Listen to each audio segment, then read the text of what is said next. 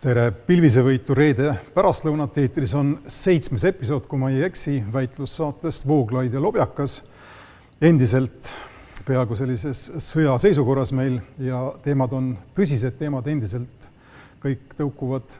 koroonaviirusest. mina olen Ahto Lobjakas. mina olen Varro Vooglaid. ja alustame siis kohe, pakun esimese teemaga. esimene teema on äh, minu jaoks ausalt öeldes rabav päris mitmes mõttes, tegemist on siis nüüd teatavaks saanud faktiga, et mingil hetkel eelmise nädala lõpul Eesti valitsus või siis ainult Eesti välisminister, aga igal juhul Eesti võimud esitlesid, esitasid äh, Euroopa Nõukogule ametliku teatise selle kohta, et vajaduse korral sellest hetkest või mingist hetkest enam ei kehti Eestis Euroopa Inimõiguste konventsioon. põhimõtteliselt äh, ainus rahvusvaheline, reaalne rahvusvaheline tugi kõikidele põhivabadustele ja ja muule sarnasele, mitte ainult inimõigustele, aga väga konkreetselt nendele vabadustele, mida me siin Eestis naudime ja, ja mille pärast ma pakun, me kunagi Nõukogude Liidust lahku lüüa tahtsime, kuna meil neid vabadusi ei olnud, me võime siin vaielda, palju siin on nüüd see Eesti rahvuse osa juures, aga igal juhul see liigutus on, on Eesti poolt tehtud ning äh, sellest tuleb välja vähemalt meedia vahendusel, et ei teadnud midagi peaminister, mida on raske uskuda. teiseks, Eesti meedial läks aega neli-viis-kuus päeva, enne kui see teemaks tõsteti. ja kolmandaks, see riikide nimekiri, mis on astunud sarnase sammu, on hetkel enam-vähem järgmine Eesti, Läti, Moldova, Gruusia, Armeenia, Bulgaaria ja, ja võib-olla veel mõni Ida-Euroopa riik ja kui ma korjaksingi selle üles ühest eelmise, ühest eelmisest saatest nagu üles jäänud äh, pöördepunktist, siis sulle ei meeldinud see, kuidas ma ennustasin või üritasin välja tuua Eesti institutsioonilist nõrkust sellises kriisis ning äh, laiendasin või üldistasin seda probleemi, äh, üldistasin selle probleemi Ida-Euroopa probleemiks ning ütlesin, et Lääne-Euroopas selliseid asju Eh, ei ole, ei ole vaja karta ja, ja ometi kuidagi ongi niimoodi, et Prantsusmaa ja ma ei tea, Taani ja teised riigid, kus on rakendatud väga drakoonilisi meetmeid, pole vajalikuks pidanud peatada Euroopa Inimõiguste konventsiooni kehtimine või vähemalt eh, näha ette selline võimalus endale peatada see kehtimine nende territooriumil. vahe on minu arvates väga suur ja no ütleme võib-olla algatuseks seda, et mille osas ma nõustuksin sinuga, on see, et huvitav, et sellest ei ole räägitud avalikult. see on ikkagi päris äh, märkimisväärne samm, kui noh, isegi üsna pehmelt väljenduda ja oleks küll olnud ootuspärane, et see on ka teema, mis aktualiseerub Vabariigi Valitsuse pressikonverentsidel või muudes avalikes sõnavõttudes. võib-olla on ka see kuskil aktualiseerunud, ma pean tunnistama, mina ei ole neid kõiki vaadanud, et see infovoog on kasvanud selgelt üle pea. aga nii palju, kui ma olen kuulnud, siis see igal juhul kõrva jäänud ei ole. Nii et siin on küll teatav küsimus, millele tahaks vastuseid saada, et millistel kaalutlustel selline samm on astutud, milliseid ohte täpsemalt on silmas peetud, mille tõttu on peetud vajalikuks seda astuda ja nii edasi. aga teiselt poolt, no võib-olla täpsustuseks veel nii palju, et jutt ei käi Euroopa Inimõiguste konventsiooni denonsseerimisest, väljaastumisest, vaid selle kehtivuse ajutisest peatamisest Eesti suhtes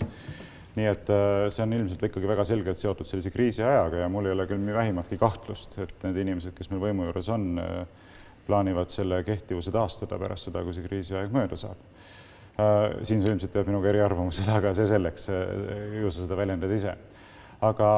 mida ma mainiksin küll sellega seonduvalt, kui sa rääkisid siin Ida-Euroopas, siis mina näen seda ennekõike sellise ettevaatusabinõuna, sest tegelikult ju mitte keegi täpselt ei tea, kust Euroopa Inimõiguste Kohtu arvates lähevad need äh, vastuvõetavad põhiõiguste piiramise äh, piirid siis ja kust äh, Euroopa Inimõiguste Kohus arvab, et on need piirid ületatud saanud. Nii et see põhjus, miks ütleme, võib-olla Ida-Euroopa pool on see konventsiooni peatatud, konventsiooni kehtivus peatatud rohkemates riikides kui Lääne-Euroopas, ma arvan, seotud, seondub paljuski sellise teatava umbusuga sellistesse rahvusvahelistesse institutsioonidesse ja teadmatusega seonduvalt sellest, kus nende arvates need piirid kulgevad. mul on raske uskuda, et äh, Ida-Euroopas oleks kuidagi kvaliteetsem või ütleme siis skeptilisem või analüütiliselt nagu kuidagi sügavale minevam juriidiline analüüs nendes asjades võimalik, ehk siis, et meil on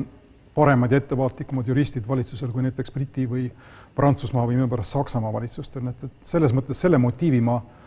lükkaksin kohe kõrvale, seda on mul väga raske uskuda, küll aga ma näen äh, selliseid tuttavaid, äh, tuttavaid motiive siin nagu, mis haakuvad sellega, mida ma ise olen siin äh, selle saate eelnevates siis osades nagu püüdnud välja tuua ja esile tõsta. Ja see on ilmselgelt äh, siis meie enda võimude teatav usaldamatus institutsioonide vastu, kas institutsioonid Eestis suudavad toimida sellises kriisiolukorras ning see loomulikult laieneb laiemalt küsimuseks, kas rahvast saab usaldada, kas riik võib kindel olla, et inimesed täidavad valitsuse soovitusi ja käske ja nii edasi ning mõeldakse preventiivsetest, ennetavatest meetmetest. Ja kui kriis peaks suurenema või mingisugune, ütleme, kriisi sees veel omakorda kriis tekkima, siis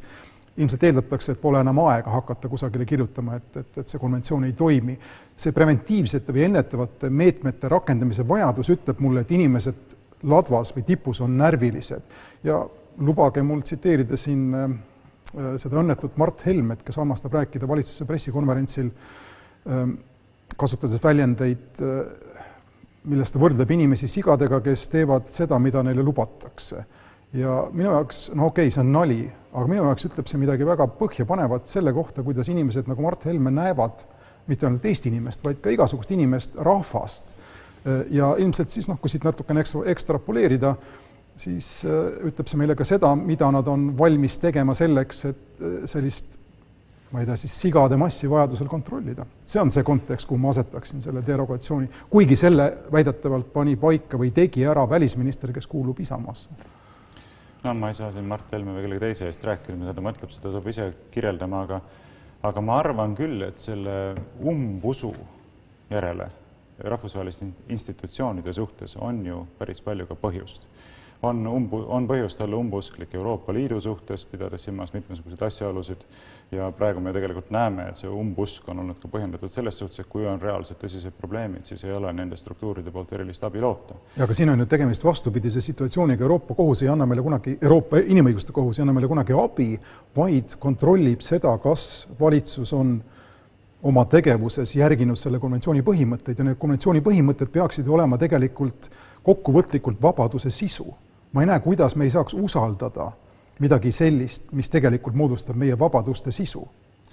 no ma arvan, et küsimus ei ole selles, et ei usaldata konventsiooni, vaid ei usaldata niivõrd äh, neid subjekte, kes teot-, teostavad konventsiooni tõlgendamist. Kes... aga mida see tähendab, kui ma tohin küsida? mida see tähendab, see tähendab seda, no näiteks üks väga tõsine probleem, mina näiteks olen suhteliselt skeptiliselt meelestatud ise ka Euroopa Inimõiguste Kohtu suhtes ja see põhjus peamiselt seondub kohtu enda poolt välja töötatud doktriiniga, mis käsitleb seda konventsiooni elava instrumendina. sa oled ilmselt kursis sellega, et viiekümne esimesel aastal või viiekümnendal, millal see konventsioon vastu võeti, eh, kirjutati sinna artiklitesse teatavad printsiibid, teatavad põhimõtted, eh, ka nende piiramise alused, aga see kõik on väga üldsõnaline ja nüüd ongi küsimus selles, et selleks, et äh, jõuda selge arusaamiseni, mida see konventsioon ühes või teises küsimuses ütleb, on vaja anda selle, nendele sätetele tõlgendus. ehk siis vaadata mingeid teatavaid asjaolusid, vaadata seda normi ja öelda, mida see norm tegelikult endast kujutab ja kas need asjaolud on siis kooskõlas selle normiga vastavalt sellele tõlgendusele või ei ole nad seda mitte ja mida kohus on teinud aastate jooksul, on see, et ta on äh, lähtunud, nagu juba öeldud, sellest doktriinist, et konventsioon on elav instrument ehk teisisõnu, konventsioon muudab ajas oma sisu, muudab oma sisulist tähendust, ilma et liikmesriigid oleks tulnud kokku ja reaalselt muutnud konventsiooni teksti. ja rahvusvahelises õiguses, noh, nagu sa tead, kehtib see printsiip, et riigid ei saa kunagi olla seotud ühegi põhimõttega, mille suhtes nad ei ole ise väljendanud nõustumist. ja, ja siin me näeme, kuidas on väga lihtne kaaperdada sellise konventsiooni tähendus mingisuguse järelevalveorgani poolt läbi selle, et hakkab ütlema jah, te leppisite küll kokku teatavates normides, teatavas tekstis, te väljendasite oma nõustumist nende printsiipidega, aga vahepeal on rohkem kui pool sajandit mööda läinud, konventsioon on arenenud, kasvanud, muutunud koos ühiskonnaga ja nüüd tegelikult need normid, mis siia kirja on pandud, tähendavad juba hoopis midagi muud, eks. no ma võiksin siin tuua mitmeid näiteid, aga miks ma seda räägin, ma räägin seda sellepärast, et just nimelt selline käitumine tekitab selle olukorra, kus on põhjust umbusklikkuseks, kuna sa tegelikult täpselt enam kunagi ei tea, kust nende normide piirid siis tegelikult lähevad. ja kriisi ajal on igati loomulik ja ootuspärane, et riigid tahavad astuda ka samme, millega välistada võimalik hilisem hukkamõistmine tulenevalt sellest, et nad rakendasid kriisi ajal erilisi meetmeid mis nende arvates olid sel hetkel vajalikud, aga võib-olla kellegi teise arvates mitte, nii et, et ma iseenesest üle, üle seda ei dramatiseeriks küll, aga ma tahaksin ka lähemalt kuulda selgitust, et miks on peetud vajalikuks selle konventsiooni kehtivust peatada. luba, ma nüüd küsin igaks juhuks üle, et ma õigesti aru saaksin, sina ütled praegu sisuliselt seda, et põhiväärtused, põhivabadused, ka noh, meie enda konstitutsioonilised põhivabadused ei ole üle aja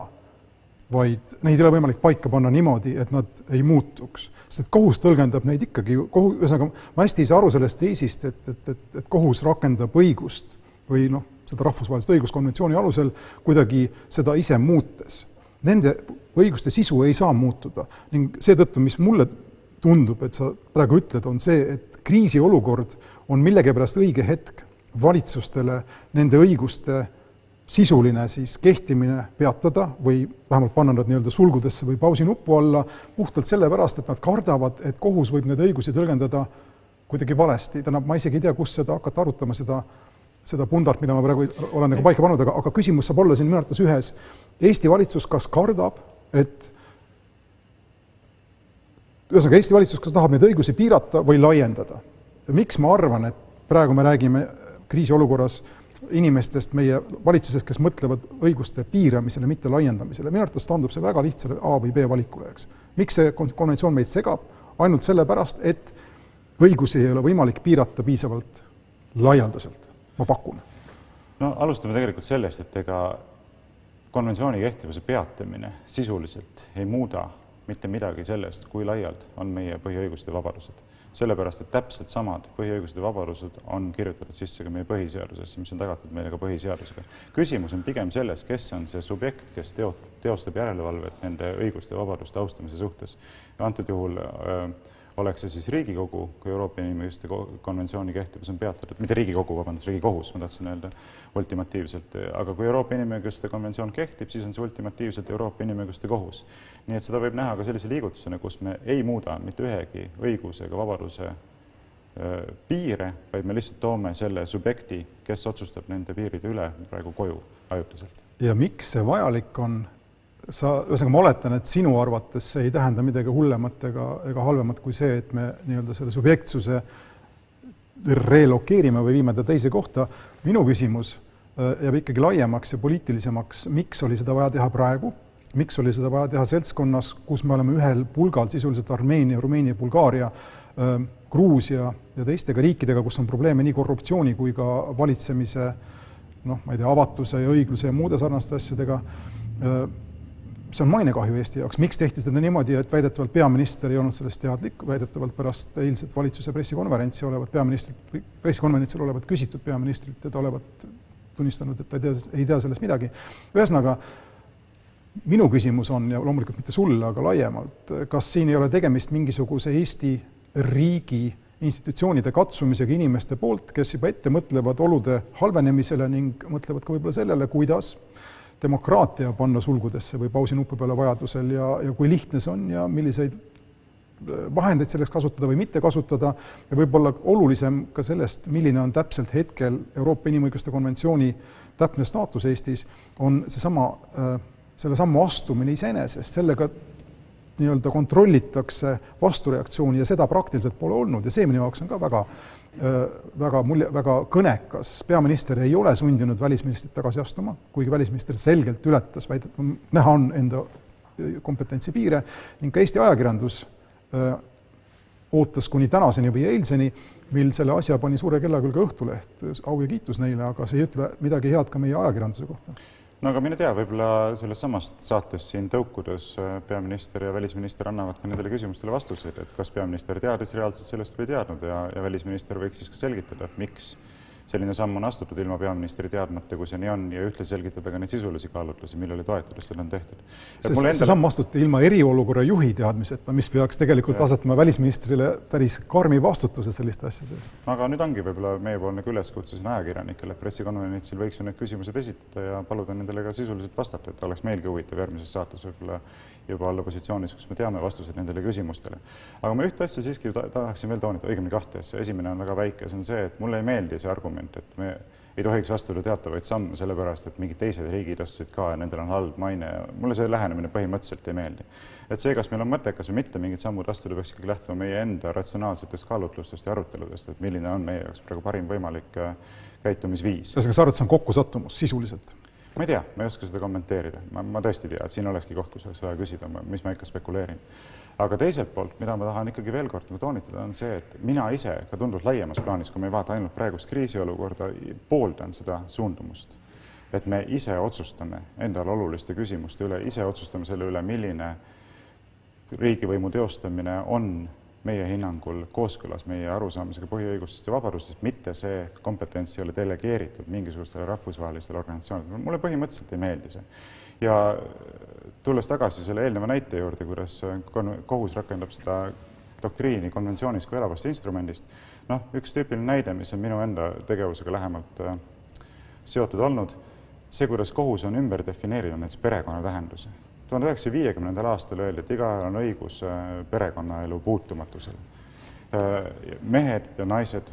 kes on, ma ei tea, kuidas see konventsiooni säte täpselt ütleb, aga ütleme, täisealised mehed ja naised võivad sõlmida abielu, eks. kohus on täiesti omavoliliselt tõlgendanud aastate jooksul ümber selle, mida tähendab perekond. viiekümnendal aastal mitte keegi ei pidanud selle all silmas, et selle all võiks silmas pidada ka äh, samast soost isikute vahelist liitu. ometi aastate jooksul on kohus lihtsalt justkui kübarast välja tõmmanud sellise printsiibi, et tegelikult õigus perekonnaelu puutumatusele tähendab ka samasooliste omavahelisi suhteid. Ja surunud sellise printsiibi peale kõikidele riikidele, rahvastele Euroopa, äh, Euroopas, kes on Euroopa Nõukogu liikmed ja siis selle konventsiooni osapooled. ja minu meelest see on vale. Äh, sellist asja kohus ei tohiks teha, kui mõni riik tahab nõustuda sellise printsiibiga, siis ta võib öelda, et jah, istume laua taha, muudame konventsiooni teksti, kirjutame sinna sisse sellise uue sätte, aga mingisugune väike seltskond kohtunikke ei oma seda voli rahvastele ette kirjutada, mida üks või teine põhiõigus peaks endast tähendama. no see oli lihtsalt üks näide, et saaksite aru, mida ma silmas pean selle all, et kohus meelevaldselt laiendab nende artiklite tähendust. ma kujutan ette, kuidas üks sada või kakssada aastat tagasi, kui oleks olnud võimalik selline, selline saade, me oleksime siin istunud, sina oleksid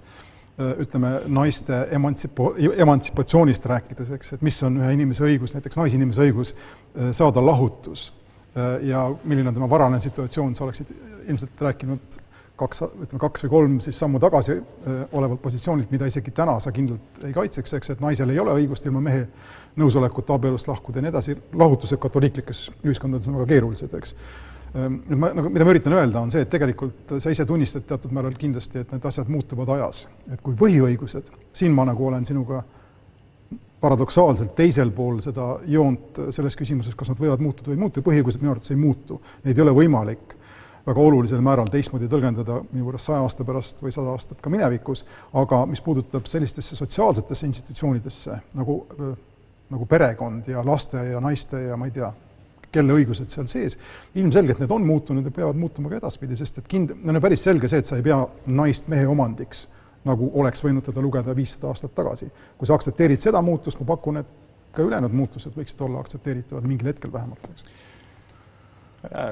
tahtmata siseneda sellesse vaidlusesse, kas nad on muutuvad või mitte, mina arvan ka, et ütleme, moraalsed baasprintsiibid ei ole muutuvad, muidu kogu inimõiguste doktriin kaotaks enda mõtte, sellepärast et ta on ju just nimelt vastandatud sellisele positiivsele õigusele, võimalusele positiivse õigusega kehtestada ükskõik milliseid printsiipe, ta on teatav ontoloogiline ankur, mis peab olema, mille küljes peab rippuma see positiivne võimu teostamine. aga see on eraldi teema. on, aga kas mis... ma, enne kui me läheme tagasi või mujale, kas ma tohin lihtsalt öelda vahele, kui sa ütled moraalsed baasprintsiibid, siis ma saaksin aru, kui sa räägiksid armastusest, kui sa paneksid abielu armastusele või mingisugusele, mingisugusele inimestevahelisele suhtele, aga sa teed sellest sisuliselt ju bioloogilise institutsiooni, defineerides ta suguelundite kaudu, mis on bioloogiline funktsioon, mitte moraalne funktsioon.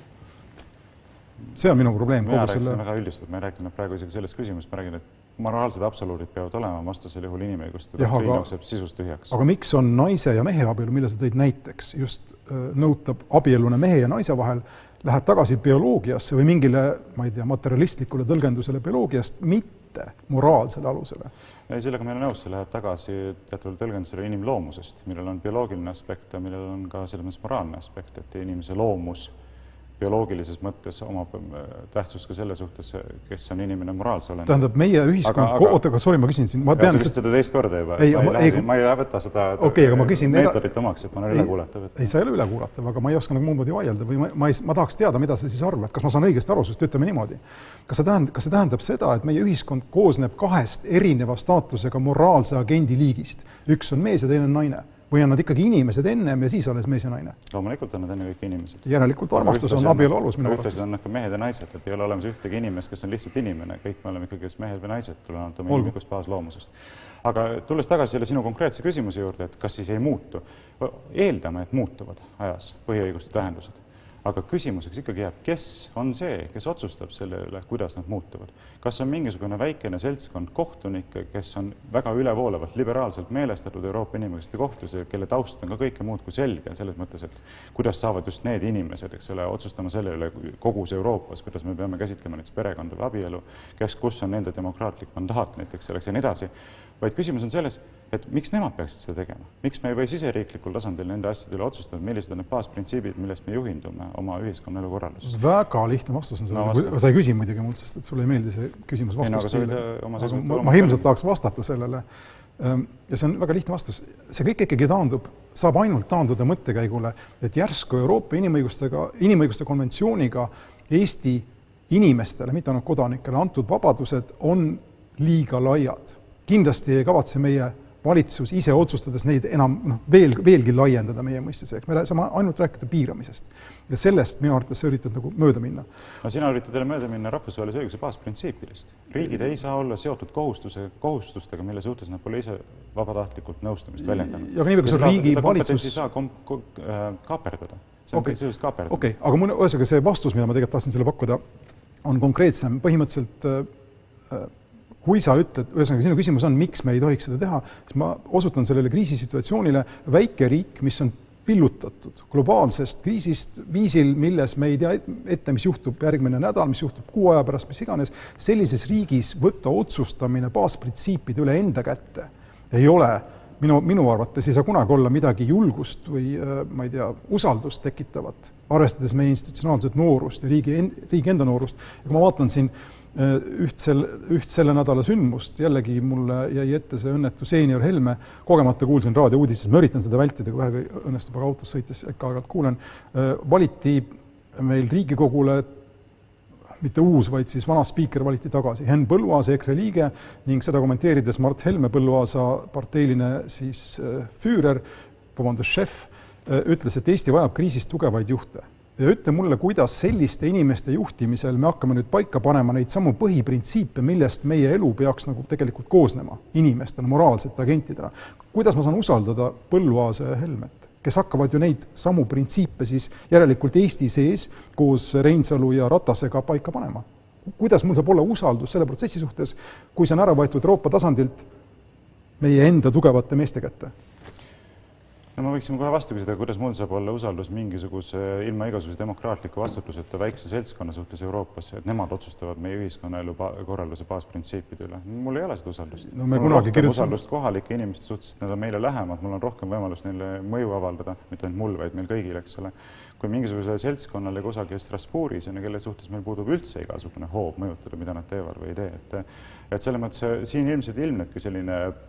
maailmavaatelise baashoiaku erinevus, et sinul on rohkem umbusku, ütleme, kohalike inimeste, kohalike struktuuride, kohalike institutsioonide suhtes. minul on rohkem umbusku selliste globaalsete, supernatsionaalsete institutsioonide ja, ja struktuuride suhtes, et nii see ongi ja, ja siin ongi ilmselt oluline valiku koht, et kumb, kumba teed me nagu ühiskonnana tahame minna, kas me tahame seda teed minna, kus me ise otsustame oma elukorralduse üle või me tahame minna seda teed, kus meie eest otsustatakse kusagil Euroopa struktuurides, et mina pooldan kindlasti seda esimest teed. Isegi põhiseaduse muutmine Eestis võtab aega vähemalt kaks Riigikogu mandaati, eks mm, -hmm. ja nõuab siin konstitutsionaalset. kiireloomulisena saab ka kiiremini. okei okay,, aga nõuab konstitutsioonilist mandaati nii, nii-öelda kuuskümmend kuus protsenti peab poolt hääletama ja nii edasi, aga sa räägid praegu nagu oleks tegemist lihtsalt sellise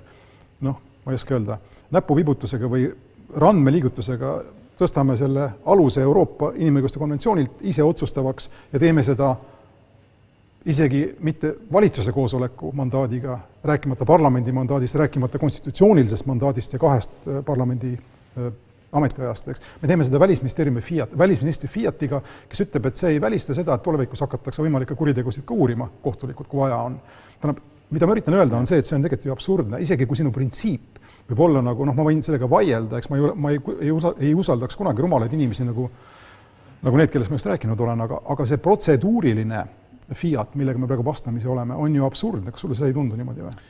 tead, esimeseks üks protseduuriline tähelepanek, et sa kasutad, ma vaatan peaaegu iga saadet sulle ebameeldivate inimeste kohta isiklikult halvasti ütlemiseks, et ma ei taha olla selles positsioonis, kus ma pean hakkama selle vastu kogu aeg protesteerima. ja siis kasutasin sõna füürer ja nii edasi, et kas ma hakkan ka rääkima polkovnik Saar ja ma ei tea, polkovnik Kaljulaid ja nii edasi, ma, ma aga sa oled ei... ise kasutanud enda objektiivi äh, nendes mis ta on siis, broadcast ides kõikvõimalikke termineid, selles mõttes ma nagu näiteks? seni, kuni nad ei ole noh, seni kuni nad on piiratud, ütleme, teatud empiirilise tõestusmaterjaliga ja ma seda üritan teha, eks, ma viitan siin, noh, ma üritan nagu analüüsida ja tõestada seda, mida ma ütlen, seni ma arvan, see on okei okay nojah, ütleme sinu eelistused, ega ma ei saa sinu eest no sa oled Vilja Kiisleri kohta näiteks olnud äh, halbu sõnu, kes minu arvates on Eesti üks parimaid ajakirjanikke, kindlasti üks Eesti väheseid läänelikke ajakirjanikke. kes ühtlasi peab mind selliseks ahviks, keda ei tohiks Postimehe eetris sellest. aga ahv ei ole muidugi tema sõna, eks. me läheme nüüd siin. ülekantud tähenduses.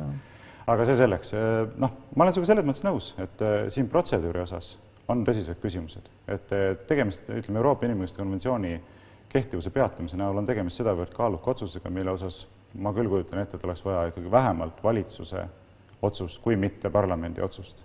ja kuidas see nüüd saab sündida niimoodi, et sellest ei tea isegi peaminister, kui see nii on, see on igati põhjendatud küsimus ja ma tahaks ka sellele vastust kuulda. Aga sisulises pooles ma näen seda igati põhjendatud äh, otsusena või ma, tähendab, ütleme nii, et ma näen, et see võib olla igati põhjendatud otsus, sellepärast et konventsioon ise artiklis viisteist näeb sellise võimaluse ette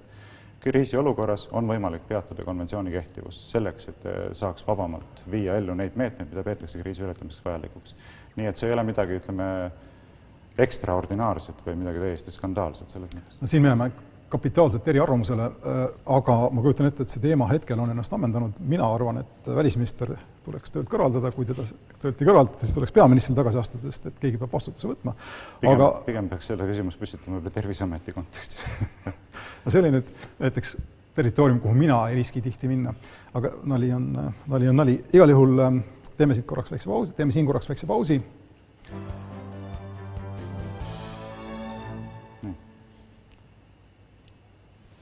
ja tuleme nüüd äh, saatest jäänud siin kolmandiku või veerandi äh, aja jooksul äh, tagasi, kui meil vähegi õnnestub nüüd tõsisemate, globaalsemate, võib-olla filosoofilisemate aspektide juures selles tänases kriisis, ükskõik kui hull võib asi olla siin või mitte olla Eesti riigis, fakt on, fakt on see, et meie elule mitte ainult inimestena, vaid ka ühiskonnana sunnitakse peale muudatusi, mille osas me ei tea, A, kaua nad ühesõnaga, millised nad saavad olema, kaua nad kestavad, isegi poolteist aastat on väga raske ette näha, kui me oleme siin elanud eriolukorras kaks nädalat alles vist või, ja kõik muutub iga nädal, eks. et sellises olukorras tekib meil situatsioon, kus, kus, kus meil on selline Hiina mõistes kriis, kui tõesti hiina keeles on, ma isegi ei tea, kui aus olla, kas see päriselt niimoodi on, aga hiina keeles väidetavalt olevat sama ideogramm siis, mis märgib kriisi ja võimalust et sellesama situatsiooniga siin võib hakata arvestama ka kui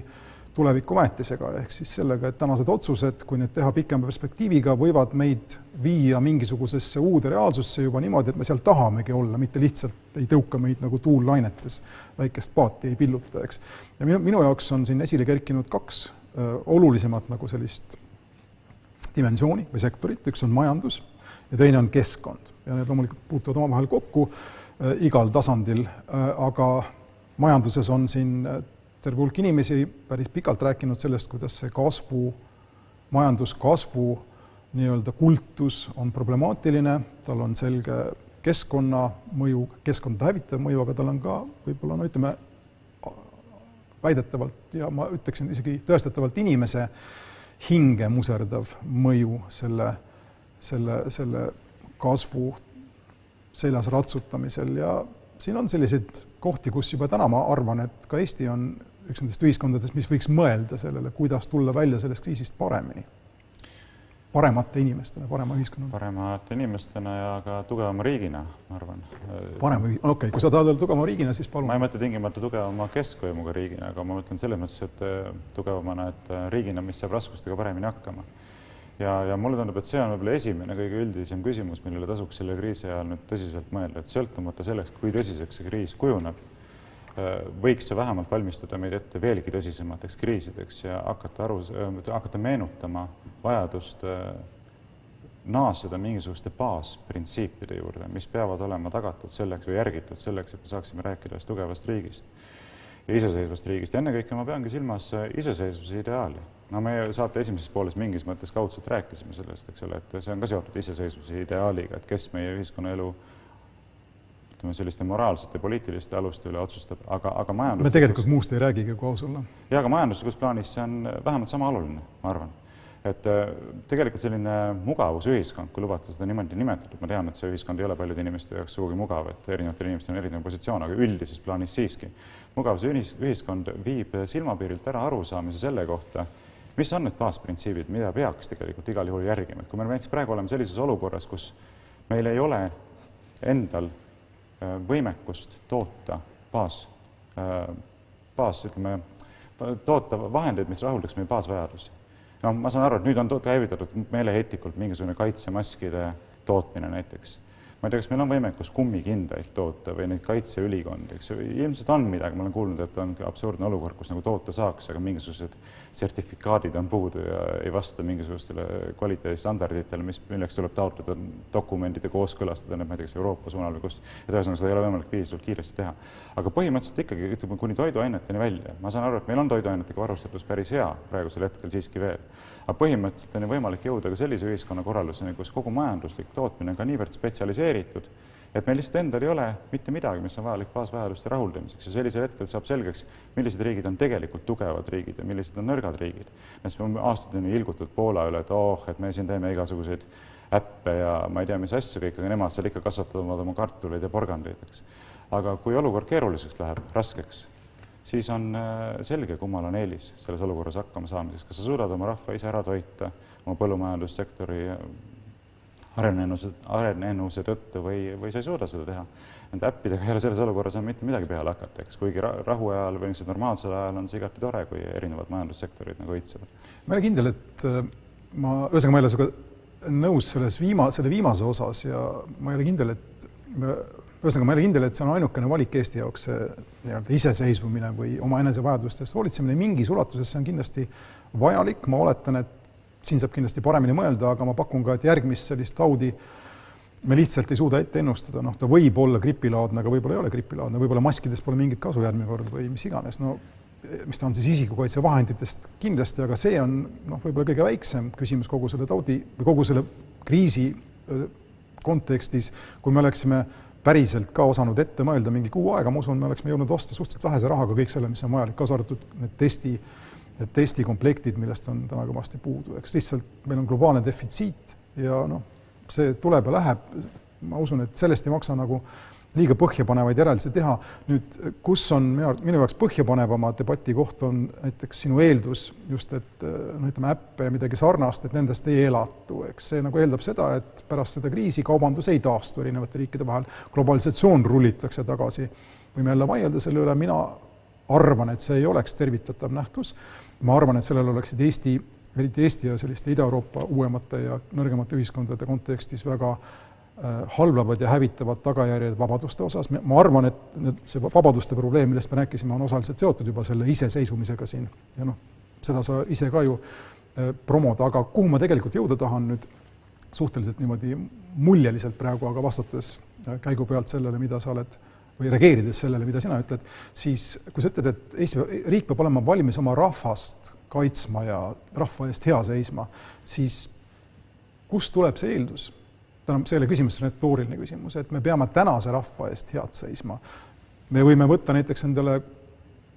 kuidas öelda nüüd siis, ettevaatavalt ja mis on see eestikeelne sõna prudence'i jaoks, ettevaat-, ettevaatavalt, ettevaatlikult võtta eesmärgiks näiteks rahvas viia kusagil kolmesaja tuhande inimeseni, keda on lihtsam ära toita, eks.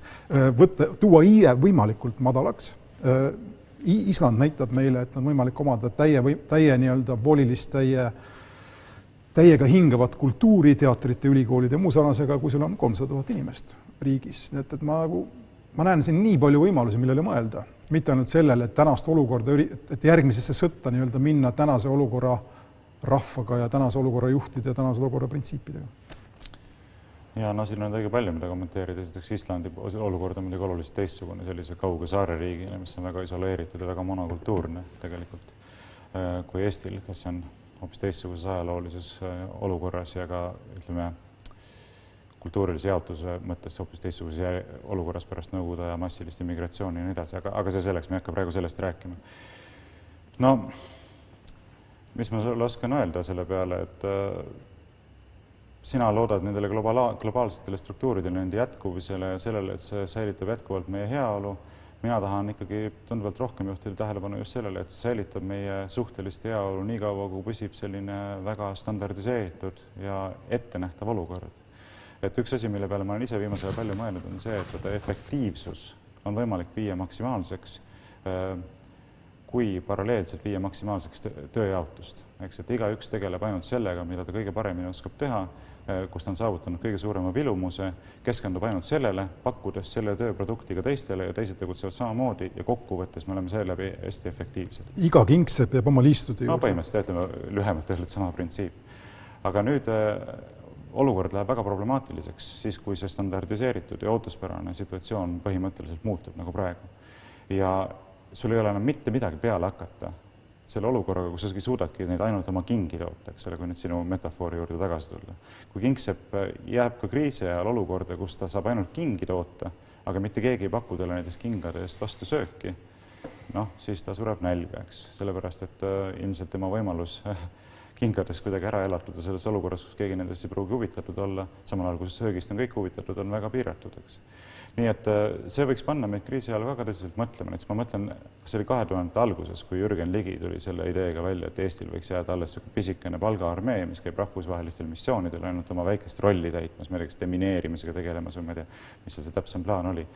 jah, sellises standardiseeritud olukorras see ilmselt toimib, eeldusel, eks ole, et kui meil on endal vaja ka tõsisemat äh, militaarset kohalolekut, siis kõik teised tulevad ja hakkavad meile seda pakkuma, seda abi, mida meil vaja on. aga sellises olukorras, kus enam standardne olukord ei kehti kus teiste abile lootmine kukub ära, ei ole sul selle pisikese palgaarmeega mitte midagi siin peale hakata, eks. nii et äh, mulle tundub, et see võiks olla üks selline tõsine õppetund, mida sellest olukorrast võiks kaasa võtta, et me ei saa mõelda sellele, et sellised standardiseeritud ja projitseeritavad olukorrad jäävad igavesti kehtima, et äh, võib-olla selle arvelt oleks mõistlik mingil määral nagu seda efektiivsustaotlust tagasi võtta, selleks et suurendada seda oma baaskindlustunde taotlust, et meil on olemas need asjad, millega me elame vähemalt pehmemad kriisid valutamalt üle sa muidugi või kas tundub mulle niimoodi või, või sa oled sellest teadlik, aga selles argumendis on sees sügav vastuolu, kui sa võtad selle kingsepa näite, eks see on mhm. teatud ühiskonnatüüp, kus inimesel oli, ta sündis ametisse võib-olla, võib-olla ta isegi oli see ta vanemate amet, eks ta tegi seda, pidas seda ametit läbi kogu enda elu ja siis suri ja sai elada põhimõtteliselt, kui tal oli korralik amet, eks õige ja võib-olla ka noh, veidikene jõuka inimesena, kui tal läks hästi. see, mida sa ütled, põhimõtteliselt tähendab seda, et kingsepad peavad olema valmis kuidagi miniglobaliseeruma, ametit vahetama, eks, et selline külaühiskond, nagu ta võimalik oli, ei pea, ei ole ajahambale või ma ei oska öelda, ajatestile vastu pidanud. Ja nüüd tuleb see külaühiskonna piir lükata suuremaks, sa lükkad selle riigipiiride peale, aga minu küsimus ja see vastuolu minu jaoks jääb selleks, või selle, või sellesse kohta nüüd kinni, eks, et miks me siis ei või lükata seda Euroopa peale või maailma peale. kus see, kust tuleb see riigi äh, absoluutse nagu ühikulise normaalsuse või ma ei oska öelda nüüd, mis ta on siis jah, ühikulise subjekti. kui subjekti ja postuleerimine, eks miks me ei või siis ennast eurooplastena postuleerida. Ma ei taha jälle minna siin, kes on eestlane, kes on venelane debatti, aga, aga ma oleks nagu eeldanud, et sa oled sellise külaühiskondliku enesega toimetulemise mudeli toetaja, aga, aga tuleb välja, et ei ole. ei, ma olen ikka. ütleme, igal tasandil saab teha kuni teatud piirini sammud, mis võimaldavad sinu iseseisvust suurendada. näiteks seesama kingsepp, eks, kui ta elab kusagil Lasnamäe korteris siis tema iseseisvuse positsioon on oluliselt väiksem kui siis, kui ta elab kuskil talus, kus tal on olemas oma maa, kuhu kartulid ja porgandid maha panna, kus tal on olemas metsatukk, kus puid teha, kus tal on olemas ahi, millega oma tuba kütta, kus tal on olemas võib-olla kanad, kellelt mune saada, eks ole, ja nii edasi. Äh, jah. Aga siis järelikult, kui sa tahad Lasnamäed ja ma oletan ka Õismäed ja Mustamäed, et me ei oleks siin diskrimineerivad, eks, nii-öelda maha lammutada, need inimesed tuleb kusagile panna ja kui nad tänasel arvul viia maale, siis maast saab alevik jälle tuleme tagasi selle juurde, mis ma pakkusin, et üks variant on lihtsalt ju iive alla tõmmata, kuigi see ei pruugi sulle sobida võib-olla ideoloogiliselt või ma ei tea, usuliselt, aga, aga vähem inimesi jätaks Eestis rohkem ruumi kõiki neid asju teha ja olla sina ise. no kui Eestis on üks probleem, mida meil ei ole, siis see on ruumipuudus, et ruumi on meil nüüd küll tohutult palju võrreldes teiste rahvastega Euroopaski. ainult soomlased on vist äh, selline rahvas, kellel on inimese kohta veel rohkem ruutkilomeetreid kui eestlastel, nii et, et siin ma ei näe küll mitte mingisugust probleemi teiseks, kuidas seda rahvaarvu alla, alla tõmbad, et see on selline iibevastased meetmed, valitsus rakendab. teoreetiline konstruktsioon, aga mis on selle tulemus? selle tulemus on see, et sul on lihtsalt tohutult palju vanainimesi, kes lihtsalt surevad ära, sellepärast et ei ole noori inimesi, kes teeksid tööd, maksaksid makse ja looksid ressursse, millega neil ülal pidada. aga see on üks faas, nad surevad ära ja siis edaspidi on juba vähem inimesi, kusjuures me oleme tagasi selle ma millegipärast ei näe seda suurt humanisti enam ei, kuskil, kui vahepeal võivad sajad tuhanded inimesed nälga surema. ma ironiseerin, aga me oleme tagasi nüüd ringiga selle saate alguses ja suurte probleemide juures ja üks nendest suurtest probleemidest probleemidest on vanade ja noorte inimeste tasakaal ja üksteisesse suhtumine selles tulevases ühiskonnas, sest et fakt on see, et vanemad inimesed on väga haavatavad koroonaviirusest ja noored inimesed tuleb välja, et ei ole ja noortelt inimestelt eeldatakse oma elude ohverdamist nüüd mõnda aega selleks, et vanad inimesed saaksid enda vanaduses elu pikendada. jällegi, siin on raske humanistlikult midagi öelda, aga, aga siin on selgelt üks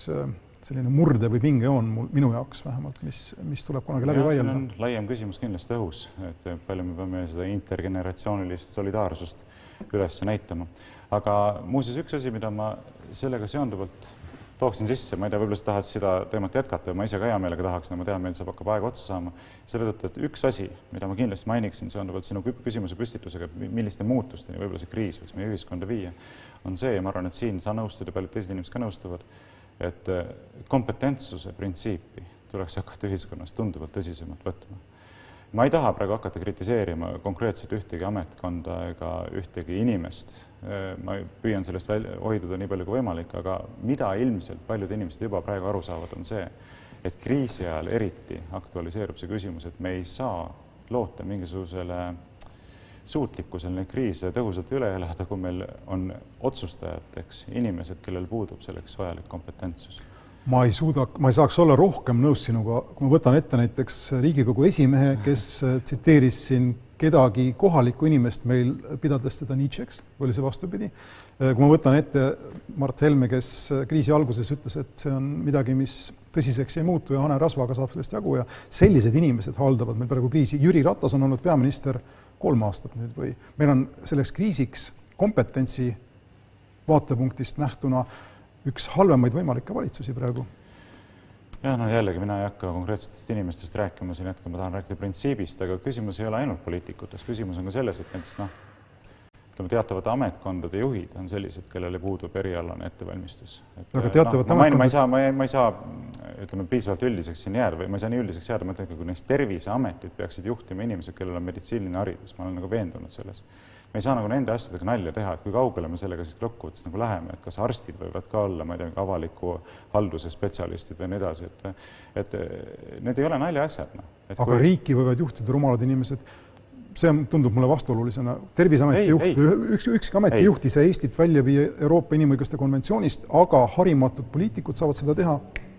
ei, ma ei ole absoluutselt seda meelt. küsimus ei ole loomulikult ainult, probleem ei ole piiratud siin kuidagi EKRE-ga, nagu sa üritad mõista anda. aga see on täiesti tõsine ja oluline küsimus minu arvates, et ka nendel, kes teostavad riigivõimu näiteks parlamendis või valitsuses, peaks nõudma teatava kompetentsuse tõestamist selleks, et sellele ametipositsioonile asuda. lendurid peavad olema tõestanud, et nad oskavad seda tööd teha vastutustundlikult, mida nad teevad, arstid peavad olema seda tõestanud, eks. isegi taksojuhid, kelle töö ei, ei kätke nii suuri ohtusid, eks, peavad omama autojuhilube, eks ole, ja ka taksojuhi kutsetunnistust ja nii edasi aga millegipärast need inimesed, kes langetavad otsuseid selle kohta, kuidas me üleüldse siin ühiskonnas peame oma elu korraldama, milliste seaduste alusel, milliste põhimõtete alusel, nemad ei pea mitte mingisugust kompetentsust selleks tööks omama. kas sa oled tuttav selle kibeda, aga üsna tõsise naljaga teemal, et auto juhtimiseks on sul vaja teha juhieksam, aga lapse saamiseks sul vanemaeksamit teha ei ole vaja? jah, loomulikult, et on ka mingisugused loomulikud õigused, mida riik ei saa reglementeerida, eks ole aga ütleme täpselt samamoodi nagu minul või sinul siin saates ülesastumiseks ei, ei pea olema tehtud eksam selleks, et ma olen piisavalt, piisavalt asjatundlikud ja nii edasi, kuskilt läheb see piir ja see läheb absurdseks, aga riigivõimu teostamise juures peaks küll see olema nõutav, et inimestel on ette näidata teatav kompetentsus. ja noh, see aktualiseerub paljudes valdkondades, näiteks ka Sotsiaalministeeriumi puhul, minu meelest see ministeeriumi töövaldkond on kaugelt liiga lai. et praegu see aktualiseerub väga selgelt, et peaks olema tervishoiuministeerium Äh, mida juhivad inimesed, kellel on vastava eriala ettevalmistus, eks. Ja me oleksime ilmselt oluliselt paremas olukorras sellele kriisile vastu minnes, kui me praegu oleme. ja ometi seesama valitsus siin jätkab selle haldusreformiga, mille üheks osaks on kõikide ametite võimalikult suur kokkuliitmine sellisteks konglomeraatideks, kus need kompetentsid ilmselgelt kannatavad, sest et, sest et igasuguses vertikaalses situatsioonis domineerivad inimesed määravad ära selle, mis on oluline, mis ei ole, nii et, et no iseenesest siin on väga sügav paradoks ja mind üllatab, on üllatanud pikalt, et see valitsus või see eelmine valitsus tegelikult, mitte see valitsus, vaid Jüri Ratase esimene valitsus ei pannud pidurit haldusreformile, mis on osaliselt minu arvates selles süüdi, selles olukorras, mida sa kirjeldad. ja eks siin ongi kaks vastandlikku printsiipi, eks ühelt poolt tõhusus ja teiselt poolt selline spetsialiseeritus, nii et kuidas seda vastuolu ületada, ma ei oska öelda. ma olen kindel, et meil on võimalik selle juurde veel nii mõnigi kord tagasi tulla, igal juhul tänane saade